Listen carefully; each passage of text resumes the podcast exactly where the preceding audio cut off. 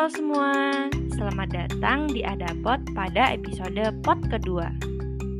Baiklah langsung aja seperti biasa, mari kita bahas podcast sesuai judul mengenai adakah ruang aman untuk perempuan.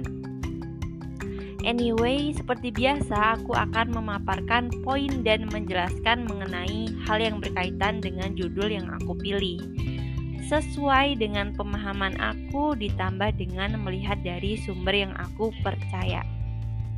Oke, berbicara mengenai perempuan. Terkadang masih banyak stigma dari masyarakat kita yang memandang perempuan ini adalah makhluk yang lemah, tak berdaya, dan tidak bisa memimpin. Tapi, pertanyaannya, mengapa stigma atau label tersebut dilekatkan kepada si perempuan. Ya, menurut aku pun kenapa hal itu bisa terjadi karena memang adanya budaya patriarki yang sudah terlanjur mengakar di masyarakat kita. Sehingga muncullah yang namanya relasi kuasa di mana menganggap perempuan itu sebagai kelas kedua. Karena ya mayoritasnya eh, lelaki itu lebih banyak sehingga Hal itu menyebabkan dan memunculkan stigma tersebut. Padahal nih ya, kalau kita tengok sebentar dari zaman dahulu sebenarnya udah ada loh pemimpin perempuan itu. Bahkan e, sampai presiden kita yang kelima, Ibu Megawati Soekarno Putri itu menjadi e, pemimpin di negara ini gitu dan masih banyak lagi ya contoh-contoh pemimpin-pemimpin yang bergender perempuan lainnya gitu. Akan tetapi setahu aku pun uh, aku sempat baca juga bahwa sekalipun perempuan itu menjadi pemimpin entah di pekerjaannya uh, ambillah contoh sebagai direktur gitu yang bekerja di perusahaan. Nah, dilihat uh, dari perbedaan gajinya pun memang masih beda gitu loh dengan direktur atau pemimpin laki-laki yang ternyata gaji pemimpin laki-laki bisa lebih banyak ketimbang perempuan. Padahal posisi dan job desknya ya hampir sama sebenarnya gitu. Tapi masih banyak juga perusahaan-perusahaan yang membedakan gaji menurut gendernya gitu. Cuma mirisnya masih ada sebagian orang itu menganggap perempuan sebagai kelas kedua itu. Dan hal itu ya disebabkan oleh hal itu tadi ya. Uh, apa namanya? Terlanjur melekatnya budaya patriarki gitu.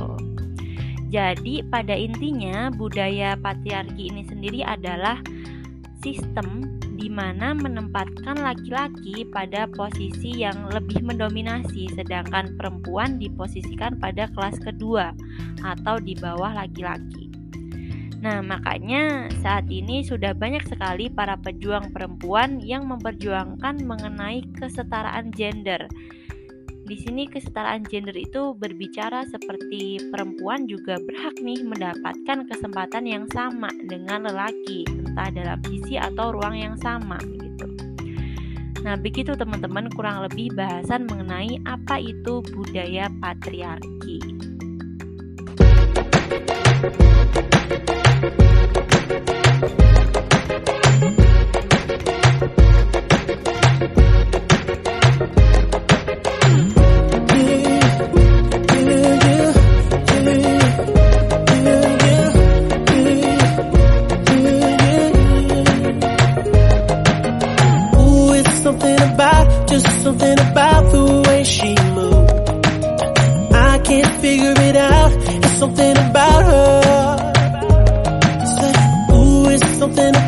Got a woman that wants want you, but don't need you. Hey, I can't figure it out. There's something about her. Cause she walk like a boss, talk like a boss. Manicure and nails, just like the pedicure bra. She's fly effortlessly. And she move like a boss, do what you want. Do she got me thinking about getting involved?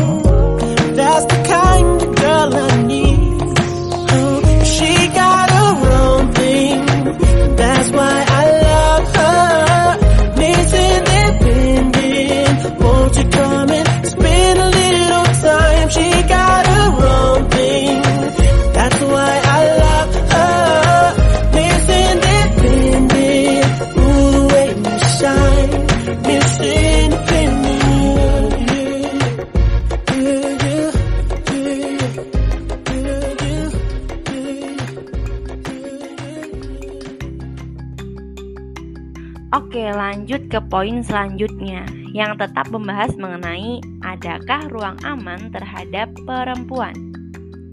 Oke, biasanya pelecehan terhadap perempuan itu dilayangkan oleh pelaku saat ada di tempat-tempat umum atau ya intinya di tempat yang nyata inilah ya.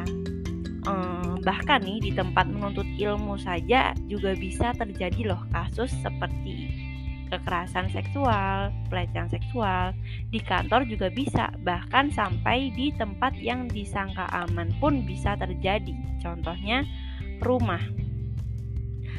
Banyak sekali tempat-tempat yang tidak aman bagi perempuan, apalagi setelah banyaknya uh, atau setelah munculnya kasus pelecehan yang akhir-akhir ini cukup membuat kaget dan mengiris hati banget nggak sih teman-teman?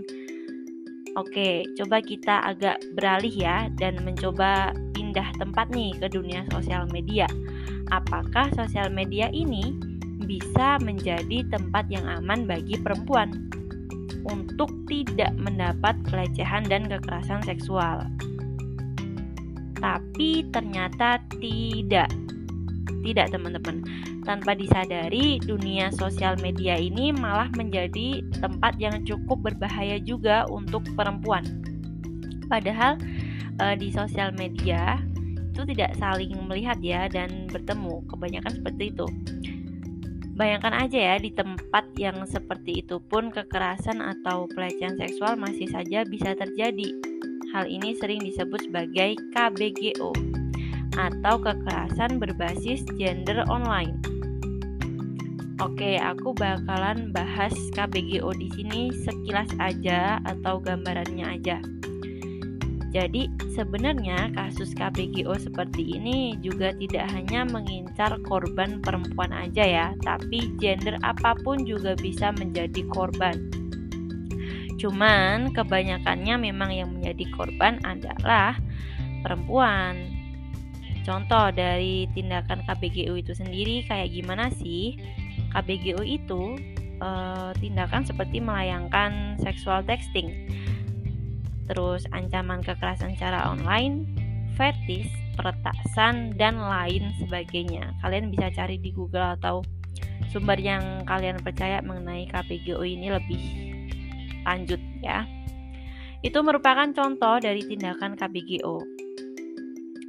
Oke, terlepas dari KBGO itu sendiri, dunia persosial mediaan ini memang tidak sepenuhnya menjadi ruang aman bagi perempuan. Karena jika dilihat-lihat saat ada korban terutama perempuan yang sudah memberanikan dirinya nih untuk speak up mengenai pelecehan atau kekerasan seksual yang mereka terima melalui sosial media ya. Masih banyak sekali di dalam kolom komentarnya itu malah uh, banyak banget sesama perempuan yang saling menjatuhkan satu sama lain dengan mengata-ngatakan bahwa si korban perempuan bahwa uh, dia itu bukan perempuan yang benar dan lain sebagainya. Itu yang sebenarnya malah jadi hal yang cukup miris ya di mana malah sesama perempuan tidak bisa saling mendukung. Jadi ya meskipun akhir-akhir ini sudah banyak korban yang berani speak up mengenai kasus yang mereka terima, tapi sebenarnya juga masih lebih banyak lagi korban yang belum berani speak up. Karena yaitu tadi sekalinya berani lapor, eh kok dihujat, kok malah tidak mendapat uh, dukungan gitu. Uh, contohnya gimana ya, memisalkannya? Uh, gini deh, gini uh, kita misalkan kasus-kasus pelecehan atau kekerasan seksual itu bagaikan gunung es, di mana yang terlihat itu pucuk gunung esnya aja, yang berarti bahwa yang sudah berani melaporkan hal seperti itu memang sudah ada dan tidak sedikit gitu ya yang kita yang kita tahu gitu. Tapi sebenarnya di dalam air itu masih ada bongkahan es yang bahkan lebih banyak gitu yang tidak terlihat tentunya tidak terlihat di permukaan. Yang berarti masih banyak sekali kasus-kasus semacam itu belum terbongkar dan korban yang belum berani speak up. begitu teman-teman. Setelah viral di media sosial yang dibagikan oleh akun Instagram Dear underscore UMY Cat Colors, menyeret mahasiswa berinisial MKA yang terbukti sebagai pelaku pemerkosaan terhadap tiga mahasiswi di Universitas Muhammadiyah Yogyakarta. Rektor UMY Profesor Gunawan Budianto menyatakan pemecatan atau DO akan dilakukan setelah adanya investigasi terhadap pelaku dan korban. Dikutip dari kompas.com, investigasi melibatkan Komite Disiplin dan Etik Mahasiswa UMY sejak kasus itu mencuat. Menurut hasil investigasi, Gunawan mengungkapkan pelaku berinisial MKA adalah seorang mahasiswa UMY Fakultas Ekonomi Angkatan 2017. Juga sebagai aktivis kampus yang masih aktif dalam kegiatan BEM UMY. Namun dari hasil investigasi, MAK sudah tidak lagi menjadi pengurus BEM melainkan sudah demisioner. Pelaku pun mengakui perbuatannya telah melakukan pemerkosaan terhadap tiga mahasiswi UMY. Pelaku telah melakukan aksinya sejak tahun 2018 hingga yang terbaru di tahun 2021. Tak hanya mengeluarkan pelaku, pihak kampus berkomitmen memberi pendampingan secara psikologis dan hukum terhadap para korban. Baiklah lanjut ke poin selanjutnya alias poin terakhir dari podcast ini yang tentunya masih membawa mengenai bahasan yang sama mengenai adakah ruang aman untuk perempuan. Oke, di atas tadi sudah aku bahas mengenai bahwasannya kasus-kasus yang sudah terungkap mengenai pelecehan dan kekerasan seksual memang sudah banyak timbul di permukaan alias yang udah kita tahu aja. Itu aja udah bikin uh, miris banget ya. Dan udah cukup banyak nih. Tapi yang belum muncul di permukaan pun masih lebih banyak lagi yang belum diketahui. Maksudnya yang belum diketahui itu mas pasti lebih banyak lagi gitu. Jadi sebenarnya apa sih yang menyebabkan kasus-kasus semacam ini masih saja tidak henti-hentinya terjadi tapi malah nambah terus? Nah apalagi yang paling miris itu adalah kejadian pelecehan seksual yang terjadi di ranah atau di ruang pendidikan, di mana pelaku biasanya memiliki relasi kuasa atau yang biasanya memiliki jabatan atau power ya, memiliki power gitu. Contohnya seperti dosen atau guru atau senior dan masih banyak lagi ya yang pokoknya biasanya yang memiliki relasi kuasa itu banyak sekali contoh kasus yang sudah terungkap seperti yang baru-baru ini yaitu contohnya mahasiswa UMY selaku senior yang merupakan demisioner dari BEM UMY sendiri dan juga sebagai aktivis telah melakukan pemerkosaan terhadap tiga mahasiswi di UMY. Selain itu juga ada kasus serupa yang sempat terungkap juga yaitu uh, dosen Unsri yang melakukan pelecehan seksual terhadap mahasiswi yang sedang melakukan bimbingan skripsi. Hingga yang bikin kaget pun uh, kasusnya yaitu dari ranah pendidikan berbasis agama. Juga banyak gitu skal yang terungkap gitu. Contohnya yang sempat uh, viral juga nih yang sempat terungkap ya. Pemilik ponpes atau pondok pesantren si Harry Wirawan yang mencabuli 13 santrinya hingga sudah ada yang melahirkan. Ngeri banget. Sedangkan santrinya ini tuh masih di bawah umur teman-teman. Medis sekali ya teman-teman. Kita yang hanya mendengarkan aja atau yang uh, mengetahui berita tersebut itu udah membuat kita sakit hati banget gak sih? Ya kan? Pertanyaannya adalah gimana perasaan korban yang merasakan trauma itu secara langsung dan nyata. yang tentunya ya sungguh sangat tidak mudah sekali bagi si korban untuk bisa menyembuhkan traumanya itu. Jangankan mau speak up untuk menyembuhkan traumanya dulu aja itu adalah hal yang cukup sulit untuk uh, si korban gitu.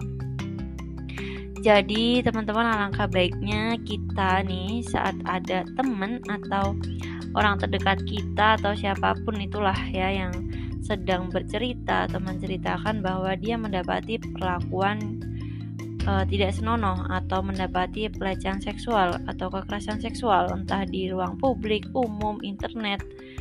Alangkah baiknya kita berpihak terlebih dahulu kepada si korban terlebih nanti salah atau benar, intinya kita harus berpihak dulu pada si korban gitu. Dan selalu memberi dukungan kepada korban. Dan di saat korban menginginkan untuk memproses kasusnya, maka bisa kita bantu untuk mengarahkan korban agar melapor ke pihak atau lembaga yang mampu menangani kasus pelecehan dan kekerasan seksual Salah satu contohnya di Komnas Perempuan. Ya, lembaga Komnas Perempuan itu mungkin dengan kita bisa melaporkan ya, melaporkan kekerasan atau pelecehan seksual ke lembaga atau pihak berwajib atau pihak-pihak yang khusus menangani kasus-kasus tersebut kemungkinan bisa ditangani dengan baik. Ya, meskipun akhir-akhir ini memang banyak sekali uh, apa ya tagar-tagar seperti contohnya nih harus viral dulu baru diproses percuma lapor polisi. Itu banyak banget tagar-tagar yang sedang viral-viralnya tagar itu. Yang memang benar sih itu benar banget. Sekarang ini memang media sosial juga menjadi tempatnya apa-apa menjadi cepat viral dan jadi uh, banyak tahu gitu. Ya pokoknya gunakan sosial mediamu untuk hal yang bermanfaat gitu ya baiklah segitu dulu podcast kedua ini berlangsung bahasan yang cukup uh, kompleks semoga kalian bisa dengar dari awal sampai akhir agar tidak terjadi kesalahpahaman dalam memahami isi dari podcast ini. Sebelumnya mohon maaf jika ada salah kata atau hal lainnya. Di sini kita masih sama-sama belajar agar memperbanyak pengetahuan lebih lagi. Sampai bertemu di pot selanjutnya. Dadah. Jumlah kasus kekerasan dan pelecehan seksual terhadap anak dan perempuan di Indonesia terus saja meningkat. Berdasarkan pengumpulan data milik Kemen P3A, tercatat kekerasan pada anak di 2019 terjadi sebanyak 11.057 kasus. Lalu pada 2020 tercatat sebanyak 11.279 kasus. Dan hingga November 2021 tercatat sebanyak 12.566 kasus. Kasus kekerasan yang paling banyak dialami oleh anak adalah kekerasan seksual sebesar 45%, kekerasan psikis sebanyak 19%, dan kekerasan fisik sekitar 18%. Sementara itu kasus kekerasan dan pelecehan seksual juga banyak dialami oleh perempuan. Dalam kurun waktu 3 tahun terakhir, Kemen P3A turut mencatat kenaikan kasus sejumlah 26.200 kasus kekerasan pada perempuan. Tercatat pada 2019 terjadi sebanyak 8.800 kasus kekerasan pada perempuan. Lalu 2020 sempat mengalami penurunan kasus di angka 8.600. Namun setelahnya tercatat kembali kenaikan pada November 2021 sebesar 8.800 kasus. Kasus kekerasan paling banyak dialami oleh perempuan adalah kekerasan fisik sebesar 39%, kekerasan psikis 29,8%, dan kekerasan seksual 11,33%. Here I am waiting. I'll have to leave soon. Why am I holding on? We knew this day would come. We knew it all along. How did it? Come so fast? This is our last night, but it's late, and I'm trying not to sleep. Cause I know when I wake, I will have to slip away. And when the daylight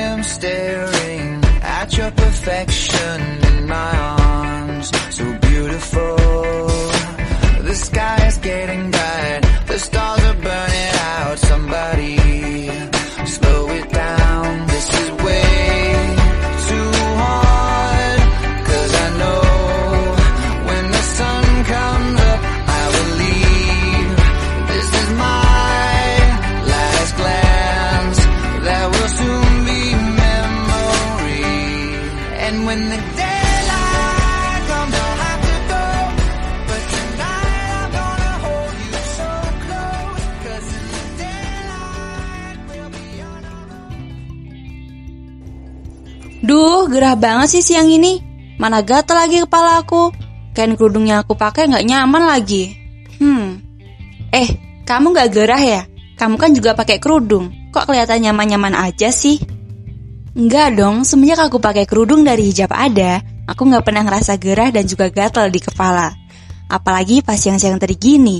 Juga pas ada kerjaan outdoor, aku nggak pernah risau lagi mengenai kerudung yang aku pakai. Udah pasti kerudung yang aku pakai tentu nyaman, adem dan gak bikin gerah apalagi gatel di kepala. Pantesan dari tadi aku liatin kamu kok nyaman-nyaman aja dan gak ngeluh gerah. Ternyata pakai kerudung dari hijab ada, mana masih rapi lagi. Hmm, tapi kok bisa sih kerudung dari hijab ada ini sebagus itu? Aku kira semua kerudung sama aja loh. Beda dong, kerudung dari hijab ada ini memiliki kain yang lembut, dapat menyerap keringat dan tidak tembus pandang. Karena kain yang digunakan asli dari katun premium yang tentunya sangat nyaman saat digunakan.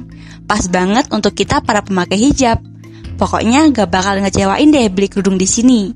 Selain kain yang nyaman, di hijab ada ini menyediakan berbagai hijab sesuai dengan style kamu loh. Wah, ini nih yang aku cari selama ini. Udah nyaman, gak ngecewain, bisa sesuai lagi sama style yang aku suka. Bener-bener cuma di hijab ada doang yang bakalan jadi favorit hijab style aku. Gak bisa ditunda lagi nih, harus beli sekarang.